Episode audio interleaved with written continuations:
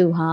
ဘိန်းတက်ကလထိုင်းကိုသုံးပြီးတော့တွားလို့ရတဲ့အနေအထားလက်ချောင်းတွေတန်ပါတယ်ဒါပေမဲ့ဘိန်းတက်ကလထိုင်းစီးဖို့အခွင့်မသာဘူးသူနေတဲ့နေရာကငဝွန်မြစ်တစ်ဖက်ကန်အထူးသဖြင့်ရေကြချိန်မှာဆိုရင်ကျမတို့ရိုက်ကူးရေးကာလကမေလမှာတစ်ခါရိုက်တဲ့အခါမှာရေအရန်ကျနေတဲ့အချိန်ဖြစ်တော့သူ့ရဲ့လေကလေးကိုကမ်းမှာကတ်ထားခဲ့တဲ့အချိန်မှာသူဟာပေ30 40လောက်မြင့်တဲ့နေရာကို 10မိနစ်ဝန်းကျင်လောက်ချိန်ယူပြီးတော့မှရေကျနေတဲ့ကန်ဆက်ကနေသူ့ရဲ့အိမ်ရှိရာကိုတွားရပါတယ်။အဲ့ဒီလိုတွားရတဲ့အခါမှာသူဟာတွားနေကြမှုလို့လင်းမြန်ဖြက်လက်နေပြီမဲ့တကယ်တမ်းသူတွားနေရတဲ့အနေအထားဟာကလေးများလေးပတ်သွားသလိုတွားရတဲ့အနေအထားဖြစ်ပါတယ်။သူ့ရဲ့ဒူးကောင်းမှာသူ့ရဲ့လက်ဖွားမှာအကွဲအကားအခုအခန့်မရှိဘဲနဲ့ဒီတိုင်းခြေပလာလက်ပလာနဲ့ပဲငါးလပိုင်း အထူးသဖြင့်မေလရဲ့နေပူပူအချိန်ထမင်းစားပြန်တဲ့အချိန်ဆိုရင်အဲ့ဒီရေကျနေတဲ့ကန်းစောက်ကြီးကိုမြေကြီးကုန်းကိုသူရအောင်တက်ပါတယ်။ကျမတို့ဒီဇက်ကောင်ဟာသူ့ရဲ့မိသားစုအတွက်သူ့ရဲ့သားသမီးတွေအတွက်သူ့ရဲ့အိမ်တော်အတွက်အိမ်တော်ဦးစီးတယောက်ရဲ့တာဝန်ကိုသူတက်ဆွမ်းနိုင်တဲ့ဘက်ကနေပြီးတော့မှစူးစမ်းပြီးတော့ရုန်းကန်နေပြီးတော့သူတို့ရဲ့မိသားစုအတွက်အထောက်ပံ့ကောင်းတစ်ခုဖြစ်အောင်သူစူးစမ်းတယ်။ဇနီးမယားအပေါ်မှာလည်းသူဟာ ဒိုးတူပေါင်းပဲပေါ့နော်ဟိုမတန်ဆွမ်းဖြစ်တယ်ဆိုပြီးတော့သူကရေသားခိုးမနေဘူးဇနီးမယားကိုပြန်ပြီးတော့ဦးစီးဦးဆောင်လုပ်ပြီးတော့လှုပ်ကြွေးတယ်ပေါ့နော်သားသမီးတွေအနေနဲ့စဉ်းစားမယ်ဆိုလို့ရှိရင်လည်းမိဘကိုသူတို့မှရွေးချယ်ပိုင်ခွင့်မရှိဘူးနံပါတ်1ကပစ္စည်းဥစ္စာနေပါပြီးတော့ဆင်းရဲတဲ့အတွက်ကြောင့်မို့လို့ခွဲခြားဆက်ဆံမှုခံရတယ်လို့နောက်တစ်ခုကကြတော့ကိုယ့်ရဲ့မိဘဟာမတန်ဆွမ်းသူဖြစ်နေတဲ့အတွက်ခွဲခြားဆက်ဆံခံရတာတပိုင်းနဲ့ဆိုရင် ဒီကလေးတွေဟာသူတို့မှာနှစ်ထပ်ခွဲခြားဆက်ဆံမှုခံစားရကြပါတယ်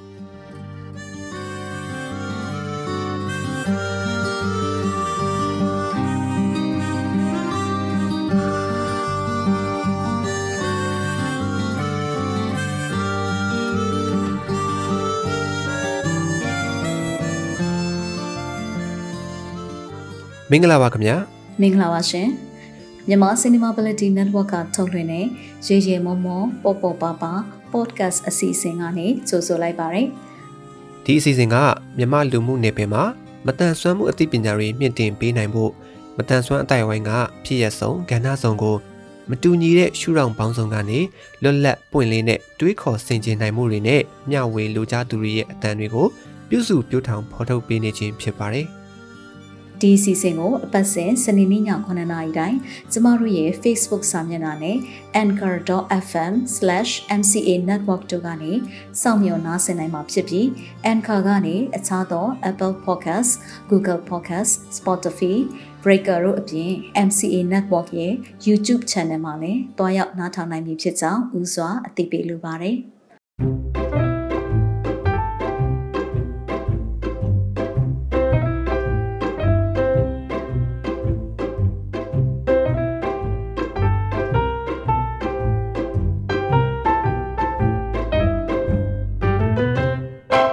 ရေရေမောမောပေါ့ပေါ့ပါပါ podcast အစီအစဉ်ကနေကြိုဆိုလိုက်ပါတယ်။ကျမကတော့ပင်နိုင်တင်ဆက်သူနှွေးစာကြီးဆိုဖြစ်ပါတယ်။ဒီဘက်မှာတော့ကျမအနေနဲ့မိတ်ဆွေတို့ကိုပြောပြပေးမယ့်အကြောင်းအရာကတော့ကျမဖန်တီးခဲ့မှုရဲ့ရုပ်ရှင်ဇလန်းတိုလေးတွေရဲ့အကြောင်းကိုမိတ်ဆက်ပေးမှာဖြစ်ပါတယ်။ရုပ်ရှင်လို့ပြောလိုက်ပြီဆိုလို့ရှိရင်ကျမတို့အနေနဲ့ဆိုလိုချင်တာကတော့မှတ်တမ်းရုပ်ရှင်ဇလန်းရုပ်ရှင်နဲ့ကာတွန်းရုပ်ရှင်တွေပဲဖြစ်ပါတယ်။ ဒီထဲကနေကျမအနေနဲ့မတန်ဆွမ်းမှုပိုင်းဆိုင်ရာမှာဖန်တီးခဲ့တဲ့ရုပ်ရှင်ကားတိုလေးတွေနဲ့မိတ်ဆက်ပေးမှာဖြစ်ပြီးတော့ဒီကားတိုလေးတွေထဲမှာရှိတဲ့ဇက်ကောင်တွေရဲ့အကြောင်းနဲ့ဒီရုပ်ရှင်ရဲ့နောက်ခံဆိုလိုရင်းတွေကိုပြောပြပေးသွားမှာပဲဖြစ်ပါတယ်။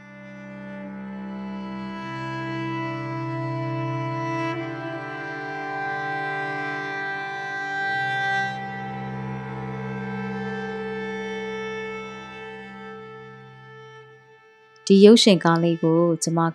2015ခုနှစ်အထူးသဖြင့်ကျမရန်ကုန်ရုပ်ရှင်ကျောင်းပေါ့နော်2014ခုနှစ်မှာရန်ကုန်ရုပ်ရှင်ကျောင်းကိုကျမထပ်ပြီးတော့ဝင်ခွင့်ရတယ်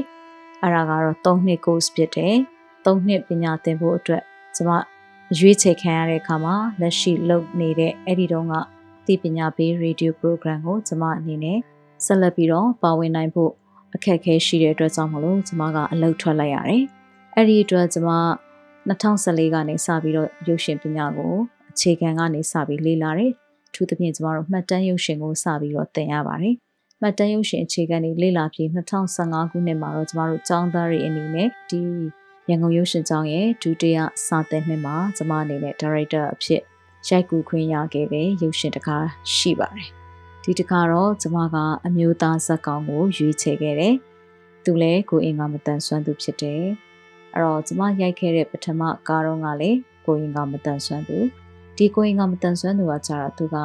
အထူးသဖြင့်ကျေးလက်ဒေတာမှာနေတယ်အမျိုးသားတစ်ယောက်ဖြစ်တယ်။သူရဲ့မတန်ဆွမ်းမှုကြောင့်မို့လို့သူဟာပညာသင်ယူခွင့်မရရှိခဲ့ဘူး။ကောင်းမွန်စွာနဲ့စေကူတာမှုလည်းမရရှိခဲ့တဲ့အတွက်သူဟာမတန်ဆွမ်းဘဝနဲ့ပဲကြီးပြင်းလာတယ်။ချိန်တက်အရွယ်ရောက်လာတော့သူဟာအိမ်တောင်ပြုတယ်။အိမ်တောင်ပြုတဲ့အခါမှာလည်းသူ့ရဲ့ဇနီးမယားနဲ့သူနဲ့ တီရီကေဟာလေးကိုကောင်းမွန်စွာတည်ဆောက်နိုင်ခဲ့တယ်။ဒါပေမဲ့အာလက်လုံလက်စားဖြစ်တဲ့အတွက်ကြောင့်မို့လို့သူ့ရဲ့အသက်မွေးဝမ်းကြောင်းမှုကလှေပေါ့နော်။လှေတောင်မှတန်ပန်မဟုတ်ပါဘူးရှင်။အိမ်စီးတဲ့လှေလေးပေါ့။အဲ့ဒီအိမ်စီးလှေလေးကိုစက်ကလေးတက်ထားတယ်။အဲ့ဆက်တက်လေးလေးကိုမောင်းပြီးတော့မှသူဟာ ferry ဆွဲပါတယ် ferry ဆိုတဲ့သဘောတရားကနေမှာကြတော့မနက်ပိုင်းဈေးဝယ်တဲ့သူတွေရှိတဲ့အချိန်မှာ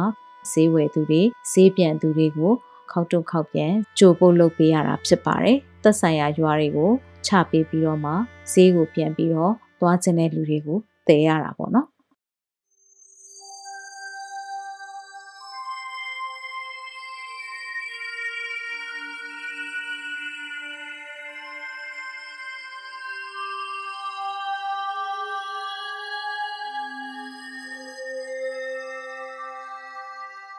အဲ့ဒီလိုမျိုးဆိုတော့တချို့တွေကဈေးဝယ်ချိန်မှာဆိုလို့ရှိရင်တခြားသောတံပန်ကြီးတွေလည်းသူနဲ့အပြိုင်ရှိပါတယ်မြစ်ကတော့ငဝွန်မြစ်ပေါ့ဒီနည်းအားဖြင့်အဲ့ငဝွန်မြစ်ထဲမှာမှအခြားသောကိုထက်ကြီးတဲ့တံပန်တွေကြားထဲမှာအိမ်စည်းလေးလေးတစ်စီးကဆက်တက်ပြီးတော့မတန်ဆွမ်းသူတယောက်လေသမားဖြစ်မောင်းပြီးတော့အလုလုနေတဲ့ဇက်ကောင်ဖြစ်ပါတယ်အဲ့တော့ဒီဇက်ကောင်အနေနဲ့ဆိုလို့ရှိရင်ကျမတို့က အသက်မွေးဝမ်းကြောင်းမှုပညာရေးပေါ့နော်နောက်အိမ်ယာထူထောင်နဲ့အရေးစသဖြင့်ဒီအရေးအမျိုးမျိုးကိုကျမတို့သူ့ရဲ့ဇက်ကောင်ကနေပြီးတော့သင်ယူရမှာဖြစ်ပါတယ်။ဒါပေမဲ့ဒီဇက်ကောင်မှာအားကောင်းတဲ့အချက်ရှိသလိုအားနည်းတဲ့အချက်လည်းရှိပါတယ်။အဲ့ဒါကတော့အားနည်းချက်ဆိုပေမဲ့သူကိုယ်တိုင်ရဲ့အားနည်းချက်မဟုတ်ဘဲနဲ့အာပတ်ဝန်းကျင်ရဲ့အဆင်မပြေမှုတွေကြောင့်မို့လို့သူနဲ့လိုက်ဖက်တဲ့လျော်တဲ့ပတ်ဝန်းကျင်မဟုတ်တဲ့အတွက် သူ့မှာပို့ပြီးတော့မတန်ဆွမ်းမှုပြင်းထန်ရပါတယ်အထူးသဖြင့်သူဟာဘိန်းတက်ကလထိုင်းကိုသုံးပြီးတော့တွားလို့ရတဲ့အနေအထားလက်ချောင်းတွေတန်ပါတယ်ဒါပေမဲ့သူဟာဘိန်းတက်ကလထိုင်းစီးဖို့အခွင့်မသာဘူးသူနေတဲ့နေရာကငဝွန်မြစ်တစ်ဖက်ကအထူးသဖြင့်ရေကြချိန်မှာဆိုရင်ကျမတို့ရိုက်ကူးရေးကာလကမေလမှာတစ်ခါရိုက်တဲ့အခါမှာရေအရန်ကျနေတဲ့အချိန်ဖြစ်တော့သူ့ရဲ့လေကလေးကို ကမ်းမှာကတ်ထားခဲ့တဲ့အချိန်မှာသူဟာပေ30 40လောက်မြင့်တဲ့နေရာကို10မိနစ်ဝန်းကျင်လောက်ချိန်ယူပြီးတော့မှရေကျနေတဲ့ကန်ဆက်ကနေသူ့ရဲ့အိမ်ရှိရာကိုသွားရပါတယ်။အဲ့ဒီလိုသွားရတဲ့အခါမှာသူဟာသွားနေကြမှုလို့လင်းမြန်ဖြက်လက်နေပြီမဲ့တကယ်တမ်းသူသွားနေရတဲ့အနေအထားဟာကလေးများလေးပတ်သွားသလိုသွားရတဲ့အနေအထားဖြစ်ပါတယ်။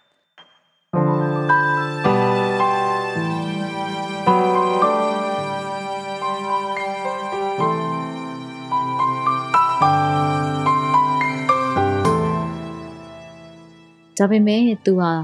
သူ့ရဲ့ဒူးကောင်းမှာသူ့ရဲ့လက်ဖွားမှာအားပြုနေရတော့လေပဲသူကလုံးဝအကွဲအကားအခုအခန့်မရှိဘဲနဲ့ဒီတိုင်းခြေပလာလက်ပလာနဲ့ပဲအဲ့ဒီရေကျနေတဲ့ပေ30လောက်နဲ့တဲ့ရေကျနေခြင်းမှာရှိတဲ့ကန်ဆက်ကနေဇောက်အနက်ရှိတဲ့မြေကြီးကုန်းကိုသူရအောင်တက်ပါတယ်အဲ့ဒီလိုတက်တဲ့အခါမှာခြေပလာလက်ပလာနဲ့မှုလို့ တက်နေကြသူ့အတွက်တော့9လပိုင်းထူးသဖြင့်မေလရဲ့နေပူပူအချိန်ထမင်းစားပြန်တဲ့အချိန်ဆိုရင်ဒါမိတ်ဆွေတို့လည်းတွေးလို့ရပါတယ်ဘလောက်ပူမလဲပေါ့နော်အဲ့ဒီအချိန်မှာခြေပလာလက်ပလာနဲ့အပူရှိန်ရှိနေတဲ့ဒီကန်ဆက်ကြီးကိုခလေးသွားသလိုသွားပြီးတော့မှအိမ်ကိုပြန်ရတဲ့သူ့အတွက်အမတန်မှအခက်အခဲရှိပါတယ်ဒါပေမဲ့လည်းသွားနေကြဖြစ်တဲ့အတွက်သူဟာမျက်နှာတစ်ချက်မပြတ်ဖဲနဲ့သူ့အိမ်ကို အရောက်သွားပါတယ်ပြီးတော့ကျမတို့ကိုသူ့အိမ်ကမိသားစုတွေနဲ့မိတ်ဆက်ပေးတယ်ပေါ့နော်အဲဒီတော့ဒီရုပ်ရှင်ကားရိုက်ဖို့အတွက်ကျမအနေနဲ့ပို့ပြီးတော့တေချာသွားစေတယ်ကျမသူတေသနာလုပ်တဲ့အချိန်မှာလည်းသူအဲ့ဒီလိုမျိုးသူ့ရဲ့ကန်းကနေပြီးတော့မှအိမ်ကိုပြန်တဲ့လမ်းလေးကိုလည်းကျမတောက်လျှောက်ဗီဒီယိုရိုက်ပြီးတော့မှအာကျမရဲ့အကြောင်းမှာပြန်ပြီးတော့ကျမရိုက်ချင်တဲ့ဇက်ကောင်ကဒီလိုဒီလိုအလုပ်လုပ်တဲ့သူပါဒီလိုသွားလာလှုပ်ရှားပါတယ်ဆိုတော့ကျမပြတဲ့အချိန်မှာ ကျောင်းကကျမကိုရိုက်ကူးခွင့်ပေးခဲ့တဲ့အတွက်ကျမတို့ရိုက်ဖြစ်ခဲ့တဲ့ရုပ်ရှင်လေးဖြစ်ပါတယ်။အာဒီထဲမှာဆိုလို့ရှိရင်လည်းဇက်ကောင်ဟာအဖြစ်ဆိုလို့ရှိရင်သူ့ရဲ့ဇနီးမယားဟာလည်းဒါအပြိုင်ဇက်ကောင်ကောင်းတစ်ယောက်ဖြစ်ပါတယ်။ဘာလို့လဲဆိုတော့တန်ဆွမ်းသူဇနီးမယားကမတန်ဆွမ်းသူခင်မုန်းပေါ်မှာနားလည်ပေးမှုဥဆောင်နိုင်မှုအာဒူးဒူပေါင်းပဲပေါ့နော်ဟိုသူကလည်းသူတက်နိုင်တဲ့အလုပ်တွေလုပ်ပြီးတော့မှ နှစ်ယောက်စလုံးဟာသူတို့ရဲ့သားသမီးတွေအတွက်ရုန်းကန်လှုပ်ရှားနေကြရတာကိုခံစားရမှာဖြစ်တယ်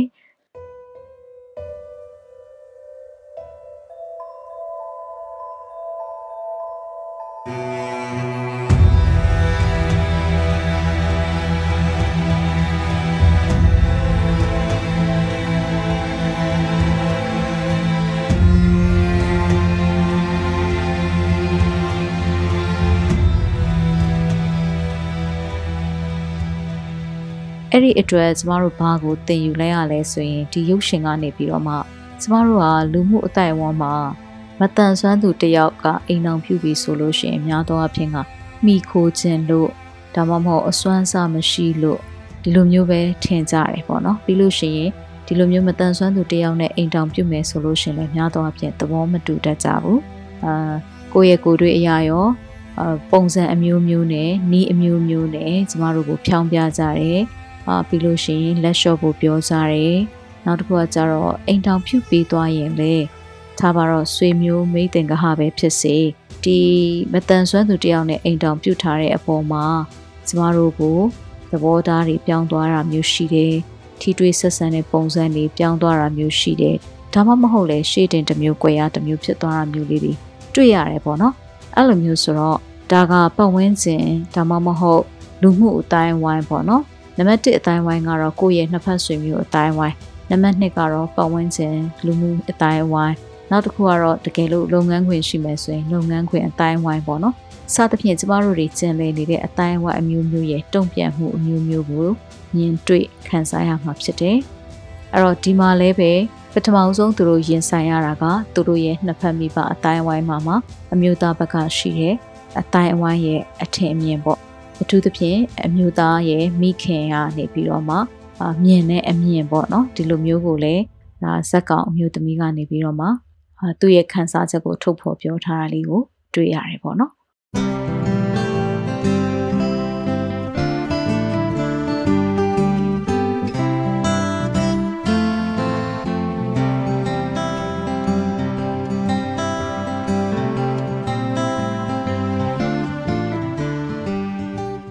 နောက်တစ်ခါကျတော့သားသမီးတွေအနေနဲ့စဉ်းစားမယ်ဆိုလို့ရှိရင်လည်းမိဘကိုသူတို့မှရွေးချယ်ပိုင်ခွင့်မရှိဘူးအဲ့ဒီအတွက်ကိုယ့်ရဲ့မိဘဟာမတန်ဆွမ်းသူဖြစ်တယ်ကိုယ့်ရဲ့မိဘဟာစင်ရင်နှွမ်းပါတယ်ဆိုတော့သူတို့မှာ double discrimination လို့ပြောမလားပေါ့နော်နှစ်ထပ်ကွမ်းသူတို့ဟာခွဲခြားဆက်ဆံခြင်းခံရတယ်နံပါတ်1ကပစ္စည်းဥစ္စာနေပါပြီးတော့ဆင်းရဲတဲ့အတွက်ကြောင့်မို့လို့ခွဲခြားဆက်ဆံမှုခံရတယ်လို့နောက်တစ်ခုကကြတော့ကိုယ့်ရဲ့မိဘဟာ မတန်ဆွမ်းသူဖြစ်နေတဲ့အတွက်ခွဲခြားဆက်ဆံခံရတာတပိုင်းနဲ့ဆိုရင်ဒီကလေးတွေဟာသူတို့မှာနှစ်ထပ်ခွဲခြားဆက်ဆံမှုခံစားရကြပါတယ်။အဲဒီတော့သူတို့တွေဟာကြောင်းမပြောတော့ဘူးအရွယ်မတိုင်မင်းနဲ့ကြောင်းတွေထွက်ကြတယ်။နောက်ဆုံးအရွယ်မတိုင်မင်းနဲ့အိမ်တောင်ပြုတဲ့စီရောက်တယ်။နောက်ဆုံးဘလောက်ထိဖြစ်လဲအရွယ်မတိုင်မင်းနဲ့အိမ်တောင်ကွဲပြီးတော့မှဟိုကျောင်းပညာလည်းပြန်သွားလို့မရလုပ်ငန်းခွင်အတွက်လည်းလုံလောက်တဲ့ဝင်ငွေရဖို့အတွက်အရေးချင်းမရှိဘဲနဲ့ဒီလိုမျိုး ဆင်းရဲမှုတန်တရားလဲသွားရတဲ့အနေအထားမျိုးလေးတွေကိုလည်း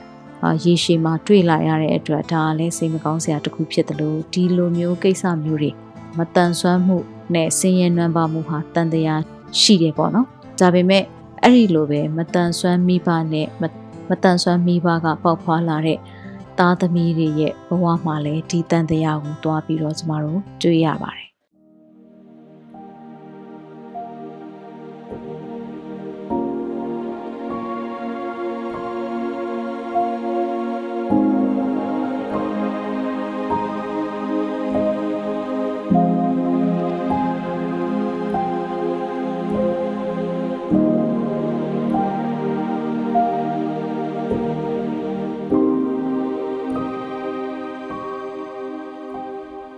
ခွန်အားယူဖို့ဘက်အတွက်စဉ်းစားမယ်ဆိုလို့ရှိရင်တော့ကျမတို့ဒီဇက်ကောင်ဟာသူ့ရဲ့မိသားစုအတွက်သူ့ရဲ့သားသမီးတွေအတွက်သူ့ရဲ့အိမ်တော်အတွက်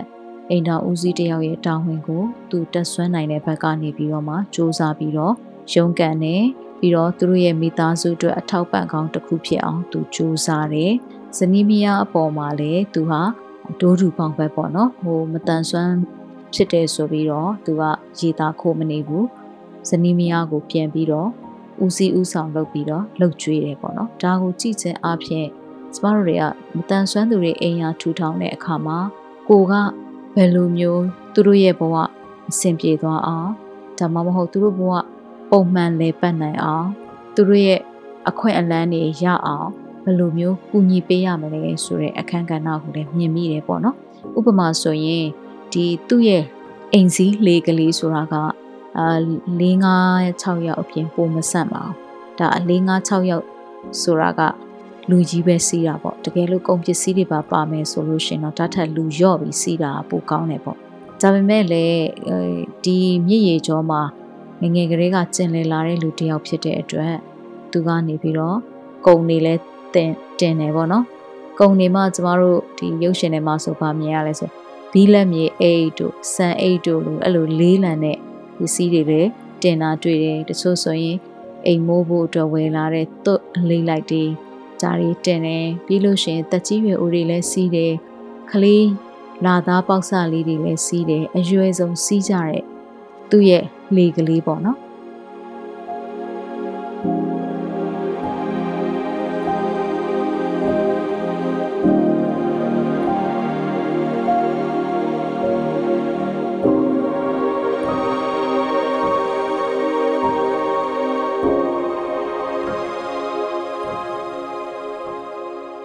ဒီလေကလေးကို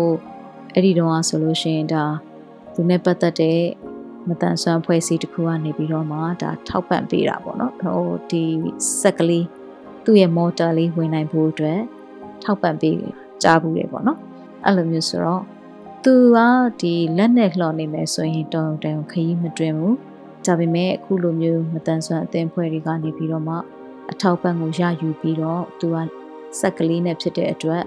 လက်နဲ့လှော်မဲ့အချိန်ထက်စားလို့ရှင်ဆက်နဲ့သွားတဲ့အချိန်ကပို့ပြီးတော့ခရီးတွင်နေနောက်ပြီးတော့ဈေးသွားဈေးပြန်ဆိုတာကလည်းသူတို့ဒေတာမှာဆိုရင်မနက်10နာရီနောက်ပိုင်းဆိုရင်ကျဲသွားပြီအဲ့တော့သူ့ရဲ့အလုပ်ချိန်ဟာမနက်6နာရီလောက်ကဝေလီဝေလီနောက်ကနေ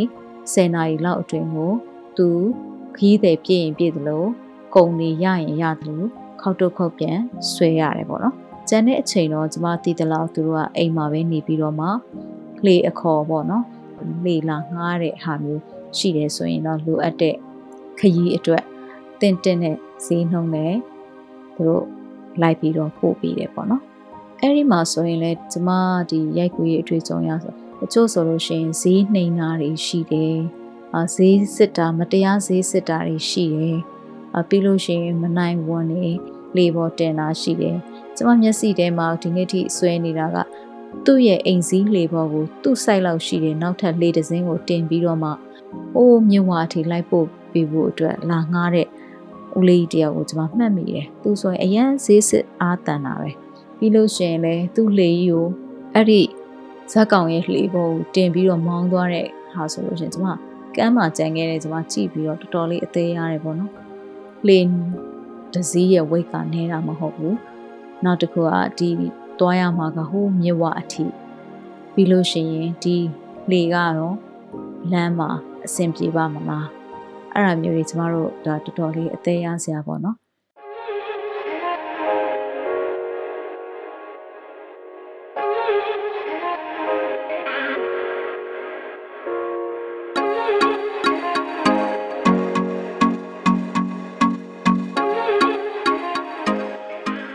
ဒါပေမဲ့ကျမရဲ့ဇက်ကောင်ကသူကရေကူးတတ်ပါတယ်ခန္ဓာကိုယ်အောက်ပိုင်းကမတန်ဆွမ်းပေမဲ့လို့သူကအယိုးကပြော့နေတာမဟုတ်ဘဲအယိုးမာပြီးတော့ကြွက်သားတွေအားနေနေတာဖြစ်တဲ့အတွက်သူကဒီဒူးစစ်တို့ဘာတို့ကကွေးနိုင်ဆက်နိုင်တယ်ခြေမျက်စိအစစ်လေးတွေလည်းကွေးနိုင်ဆက်နိုင်တဲ့အတွက်သူကမတ်တက်ဒါလမ်းမလျှောက်နိုင်တယ်မရက်နိုင်တယ် ရေတော့ကောင်းကောင်းကူးခတ်နိုင်တယ်ပေါ့နော်ဒါကြောင့်မို့လို့လဲသူကယုံကြည်ချက်ရှိရှိနဲ့ဒီလိုမျိုးခက်ခဲတဲ့အလုပ်တွေကိုလည်းလုပ်နိုင်တယ်ဆိုတာကိုကျွန်မတွေ့ရတယ်ပေါ့နော်နောက်တီးဖြတ်တဲ့အခါမှာတော့ကျွန်မရဲ့ editor ကိုကျွန်မသွားပြီးတော့တတိရတယ်ကျမရဲ့ editor ကကျမတို့ရဲ့ senior ဖြစ်တယ်ကျမထက်တက်ငယ်ပေမဲ့လို့သူကကျမထက်ပိုပြီးတော့မှအတွေ့အကြုံကောင်းနေရှိတယ်အဲ့ဒီတော့ကကျမနဲ့သူနဲ့ဟာပထမဆုံးစပြီးတော့အတူတူအလုပ်လုပ်ဖူးတာပါ ဒါပေမဲ့ကျမရဲ့ editor ကကျမရဲ့အကြောင်းကိုလေ့လာတယ်ပြီးရင်ကျမရိုက်ချင်တဲ့ဇလန်းရဲ့အနေအထားနဲ့ရလာတဲ့အယုတ်တွေကိုသူသေချာခံစားတယ်ပြီးရင်ကျမနဲ့ဒီအထဲကဇက်ကောင်ရဲ့အမျိုးသမီးပေါ့နော်ပါရမီဖြည့်ဘက်အမျိုးသမီးနဲ့ဘဝတူနေတယ်လို့သူခံစားတယ်ဒါကြောင့်မလို့သူဟာဒီဇလန်ရဲ့အဖွင့်လေးကိုလှပစွာဖွင့်နိုင်အောင်လို့သူရဲ့တီးဖြတ်ပညာနဲ့ကျမအပေါ်မှာဒါရိုက်တာတယောက် ဘာဖန်တီးခြင်းတွေလဲဘလို့ရင်တွင်းခံစားချက်တွေအတွေ့အကြုံတွေရှိနေတယ်လဲသူ့ရဲ့စိတ်တစိမ့်တစ်ပိုင်းပေါ့နော်သူ့ရဲ့ခံစားမှုတစိမ့်တစ်ပိုင်းကိုဒီရုပ်ရှင်မှာမြင်အောင်ဘယ်လိုပြရမလဲဆိုတာကိုကျမရဲ့ editor ကကောင်းကောင်းနားလည်ပါတယ်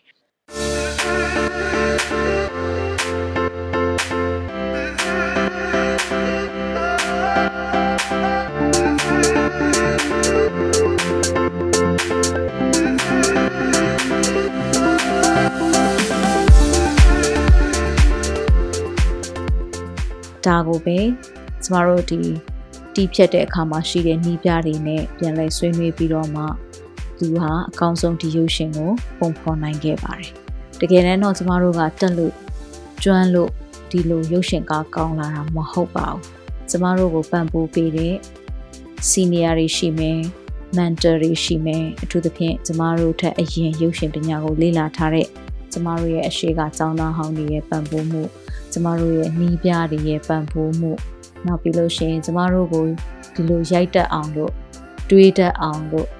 စဉ်းစားတတ်အောင်လို့သင်ပေးခဲ့တဲ့လူတွေရှိသလိုကျမတို့ရိုက်ချင်တာသူသဖြင့်ကျမရိုက်ချင်တာကိုစိတ်ရှည်သီးခံပြီးတော့မှအတန်ဖန်ပေးအယုံရိုက်ပြီးတဲ့ဒီနေ့ကုန်နေပူထဲမှာနေပြီးတော့မှဒီလေသမားနေတဲ့နေရာတိုင်းကိုလိုက်ပြီးတော့ လေသမားအလုံးလုံးတဲ့နေရာတိုင်းရေတယ်ဆိုရေတယ်နေပူတယ်ဆိုနေပူတယ်အဲ့ဒီလိုမျိုးလိုက်ပြီးတော့ပင်ပန်းခံရိုက်ပေးကြတဲ့ကျမရဲ့ crew member တွေပေါ့နော်ဖွဲ့သားတွေရှိတဲ့အတွက်ကျမကဒီလိုမျိုးရုပ်ရှင်ကောင်းတွေကိုဖန်တီးနိုင်ခဲ့တာဖြစ်တယ်။ဒါကြောင့်မလို့ရုပ်ရှင်ကားတစ်ခုဖန်တီးတိုင်းဖန်တီးတိုင်းတူဦးကောင်းတယောက်ကောင်းလည်းမရဘူး။ဖွဲ့စည်းစိတ်သက်အသင်းဖွဲ့စိတ်သက်ရှိရတယ်ဆိုတာကိုလေဒီကနေကျမသင်ယူခဲ့ရတယ်ပေါ့နော် Thank you. အခုတော့သတင်းဆောင်ပါတွေကိုဇက်တိုက်ထုတ်လွှင့်ပေးပါမယ်။ပထမဦးဆုံးတော့ရန်ကုန်မြို့မှာတပတ်ကြာပြတ်သားသွားတဲ့လူအခွင့်အရေးနဲ့လူကုန်တိတ်ခါခီးသွွားရုပ်ရှင်ပွဲတော်ပြီးဆုံးတဲ့တနင်္ဂနွေနေ့မှာတော့ပြတ်သားတဲ့ကားတွေထဲကအကောင်းဆုံးကားတွေကိုစုပေးရွေးချယ်ခဲ့ကြပါတယ်။ထူးထူးခြားခြားဒီနေ့မှာပထမဦးဆုံးပေးတဲ့ VOA စုကိုတော့ဒုက္ခိတတူရဲ့ဘဝကိုတရုပ်ဖော်ထားတဲ့ရိုးမြင့်ကြားဆိုတဲ့မှတ်တမ်းရုပ်ရှင်ဇာတ်ကားရရှိသွားပါတယ်။ဒီပွဲကိုကိုယ်တိုင်သတင်းသွားယူခဲ့တဲ့ကိုစီသူကသတင်းပေးပို့ထားပါတယ်ရှင်။ လူခွင့်ရေးကိုမျိုးမျိုးသောအမြင်ရှုထောင့်နေရနေပြီးတော့ပုံဖော်ရကူးထားကြတဲ့ရုပ်ရှင်ဇာတ်ကားတွေအများကြီးတွေကနဲ့အကောင်းဆုံးဇာတ်ကားတွေကိုစုပေးရွေးချယ်ခဲ့တာဖြစ်ပါတယ်။ဒေါန်ဆန်းစုကြည်စုနဲ့ဟန်တာရီဦးဝင်းတင်စုတွေကိုဖကန်အကြောင်းရက်ကူးထားတဲ့မှော်ဆွဲဇာတ်ကားကရရှိခဲ့ပါတယ်။ဒီနေ့မှာထူးခြားခြားစုပေးတဲ့အထက်မှာပါဝင်လာတဲ့ VOA စုကိုတော့ဒီဒုက္ခိတဘဝနဲ့ဘဝကိုရှုံးမပေးဘဲနဲ့ရင်ဆိုင်နေတဲ့အမျိုးသားတယောက်နဲ့သူ့ရဲ့မိသားစုအကြောင်းကိုရိုက်ကူးထားတဲ့ရိုးမြေကြဆွဲဇာတ်ကားကနေပြီးတော့စုရရှိခဲ့ပါတယ်။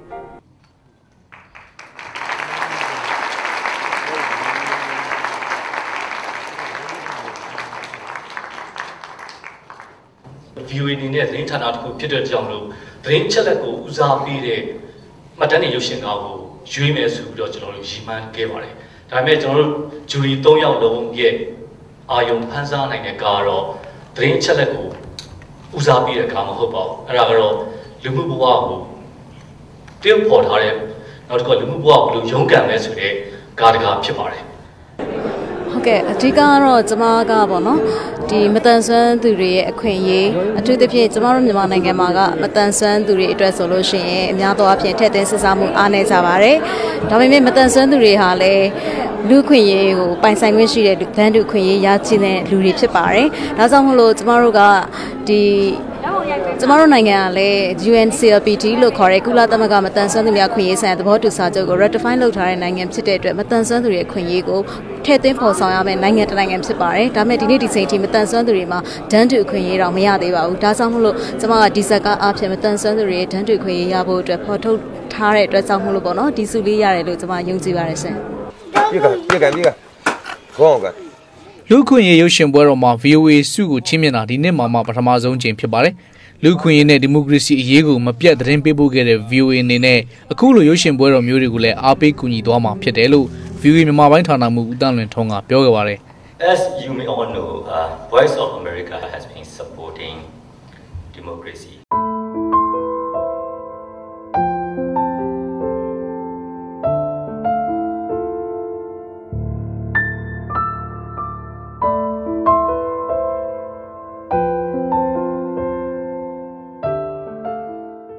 ကျမအနေနဲ့ဆူရတာကိုပြောပေမဲ့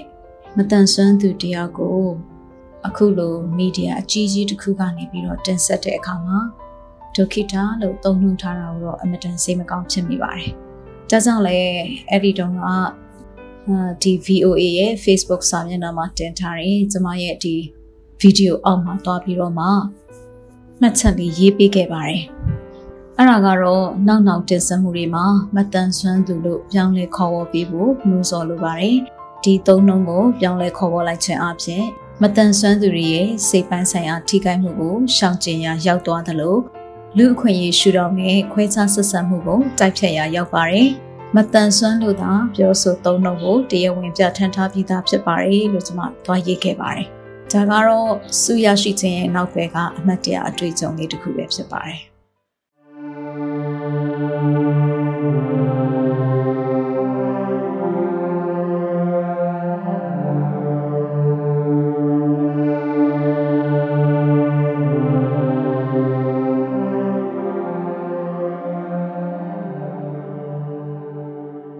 မိတ်ဆွေတို့ရေ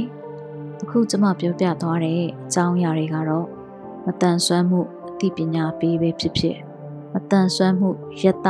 ပေးတဲ့ရုပ်ရှင်ပဲဖြစ်ဖြစ်မတန်ရုပ်ရှင်ဇလန်းရုပ်ရှင်ဒါတွေကိုကျမဖန်တီးခဲ့တဲ့အခါမှာတွေ့ကြုံခဲ့ရတဲ့အတွေ့အကြုံတွေစက်ကောင်တွေရဲ့ဘဝတွေကျမတို့ရဲ့စူးစမ်းအားထုတ်ရမှုတွေအသင်းဖွဲ့စိတ်ဓာတ်ရှိရှိနဲ့ကျမတို့ရဲ့စူးစမ်းအားထုတ်ခဲ့ရမှုတွေ အသင်းဖွဲ့စိတ်ဓာတ်ရှိရှိနဲ့ပူပေါင်းလှုပ်ဆောင်ခဲ့ကြတဲ့သူတွေနောက်ပြီးတော့ကျမတို့ကိုအတိမတ်ပြုပြီးတော့မှလက်ခံပြီးပြသပေးခဲ့တဲ့ရုပ်ရှင်ပွဲတော်တွေစုတွေပေးခဲ့ကြတဲ့အဖွဲ့အစည်းတွေအသင်းဖွဲ့တွေပွဲတော်တွေဒါတွေပြင်ကျမတို့ဒီလိုမျိုးရုပ်ရှင်တွေရိုက်ကူးနိုင်အောင်ထုတ်လုပ်နိုင်အောင်ပညာတွေသင်ပေးကြတယ်ရိုက်ကူးဖြစ်အောင်လို့နီလန်အမျိုးမျိုးနဲ့မြင့်တင်ကူညီပေးခဲ့ကြတဲ့သူတွေဒီလိုလူတွေမရှိဘဲနဲ့ ဒီလိုမျိုးရုပ်ရှင်ကောင်းတွေပေါ်လာဖို့ဆိုတာမလွယ်ပါဘူးပြီးတော့ကျမဖြစ်စေချင်တာကကျမတို့အတန်ဆွမ်းအသင်းဖွဲ့တွေမှာလည်းဒီလိုမျိုးမတန်ဆွမ်းသူတွေကိုကိုယ်တိုင်ရုပ်ရှင်တွေရိုက်လာနိုင်အောင်မြေတော်မြောက်ပေးတာမျိုးဒါမှမဟုတ်မတန်ဆွမ်းအတိုက်အဝန်းမှာကျင်လည်နေကြတဲ့မိသားစုဝင်တွေညီကိုမောင်နှမတွေဝန်ထမ်းတွေဒီလိုလူတွေကိုယ်တိုင်ကသူတို့နေ့စဉ်ကြော်ဖြတ်ပြီးတော့မှကြုံတွေ့လာရတဲ့အတွေ့အကြုံတွေကိုပြန်လည်ပြီးတော့ ဖန်တီးနိုင်ဖို့အခွင့်အလမ်းတွေဖော်ဆောင်ပေးတာမျိုးဒါမှမဟုတ်ရင်လည်းသူတို့နဲ့အတူလက်တွဲပြီးတော့မှအာဖန်တီးတာမျိုးပေါ့နော်ဒါမျိုးတွေများများလုပ်နိုင်ရင်ပို့ပြီးတော့မှမတန်ဆွမ်းမှုအသိပညာပေးတဲ့ရုပ်ရှင်တွေမတန်ဆွမ်းမှုဖြစ်ရမှန်တွေကိုအခြေခံထားတဲ့ရုပ်ရှင်တွေမတန်ပေမဲ့စွမ်းနေဆိုတာကိုပြနိုင်တဲ့စိတ်သက်တက်ကြွပွဲရုပ်ရှင်တွေဇက်ကောင်တွေဒါတွေကိုကျမတို့ များများဖော်ထုတ်နိုင်ဖို့ဟာအဖက်ဖက်ကပံ့ပိုးပေးနိုင်မှုထည့်သွင်းစဉ်းစားပေးနိုင်မှုလက်တွဲခေါ်ဆောင်ပေးနိုင်မှုအကောင့်ထဲပေါ်ပေးနိုင်မှုတွေဟာအရန်အရေးကြီးပါတယ်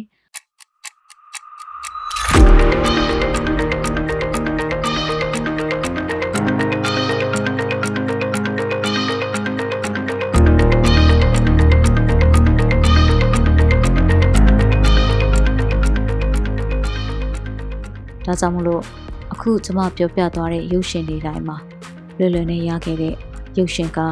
လွယ်လွယ်လေးနဲ့ဖြစ်လာတဲ့ရုပ်ရှင်ဇာတ်ကောင်ဆိုတာတရားမှမရှိပါဘူးသူတို့ရဲ့ဘဝတွေမှာခက်ခဲပေါင်းမြောက်များစွာတွေကြုံတွေ့ပြီးတော့မှသူတို့ဟာဒီလိုဘဝမျိုးမှာ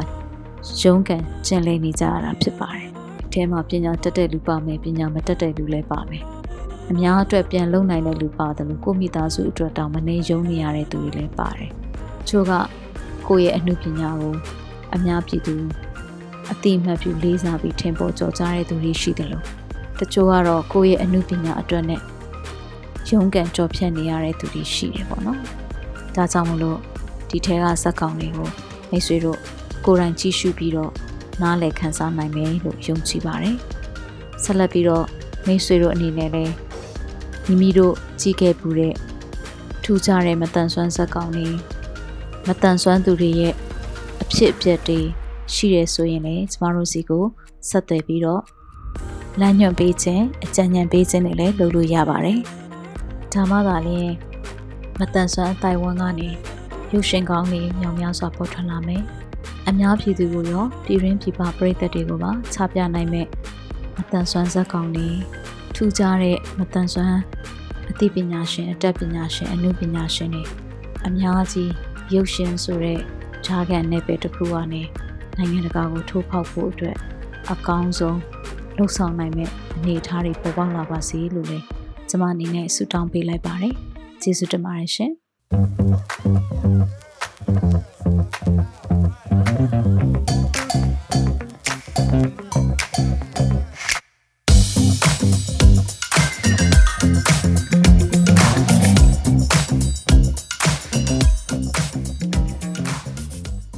စီအစဉ်ကိုမိတ်ဆွေတို့အနေနဲ့အစအဆုံးနားထောင်ပြီးပြီဆိုရင်တော့မိမိတို့ရဲ့သဘောထားမှတ်ချက်များကို Anchor မှာအတန်နဲ့စာနှမျိုးလုံးနဲ့ဖြစ်စေ Facebook မှာစာနဲ့ဓာတ်ပုံနှမျိုးလုံးနဲ့ဖြစ်စေပေးနိုင်ပါပြီနော်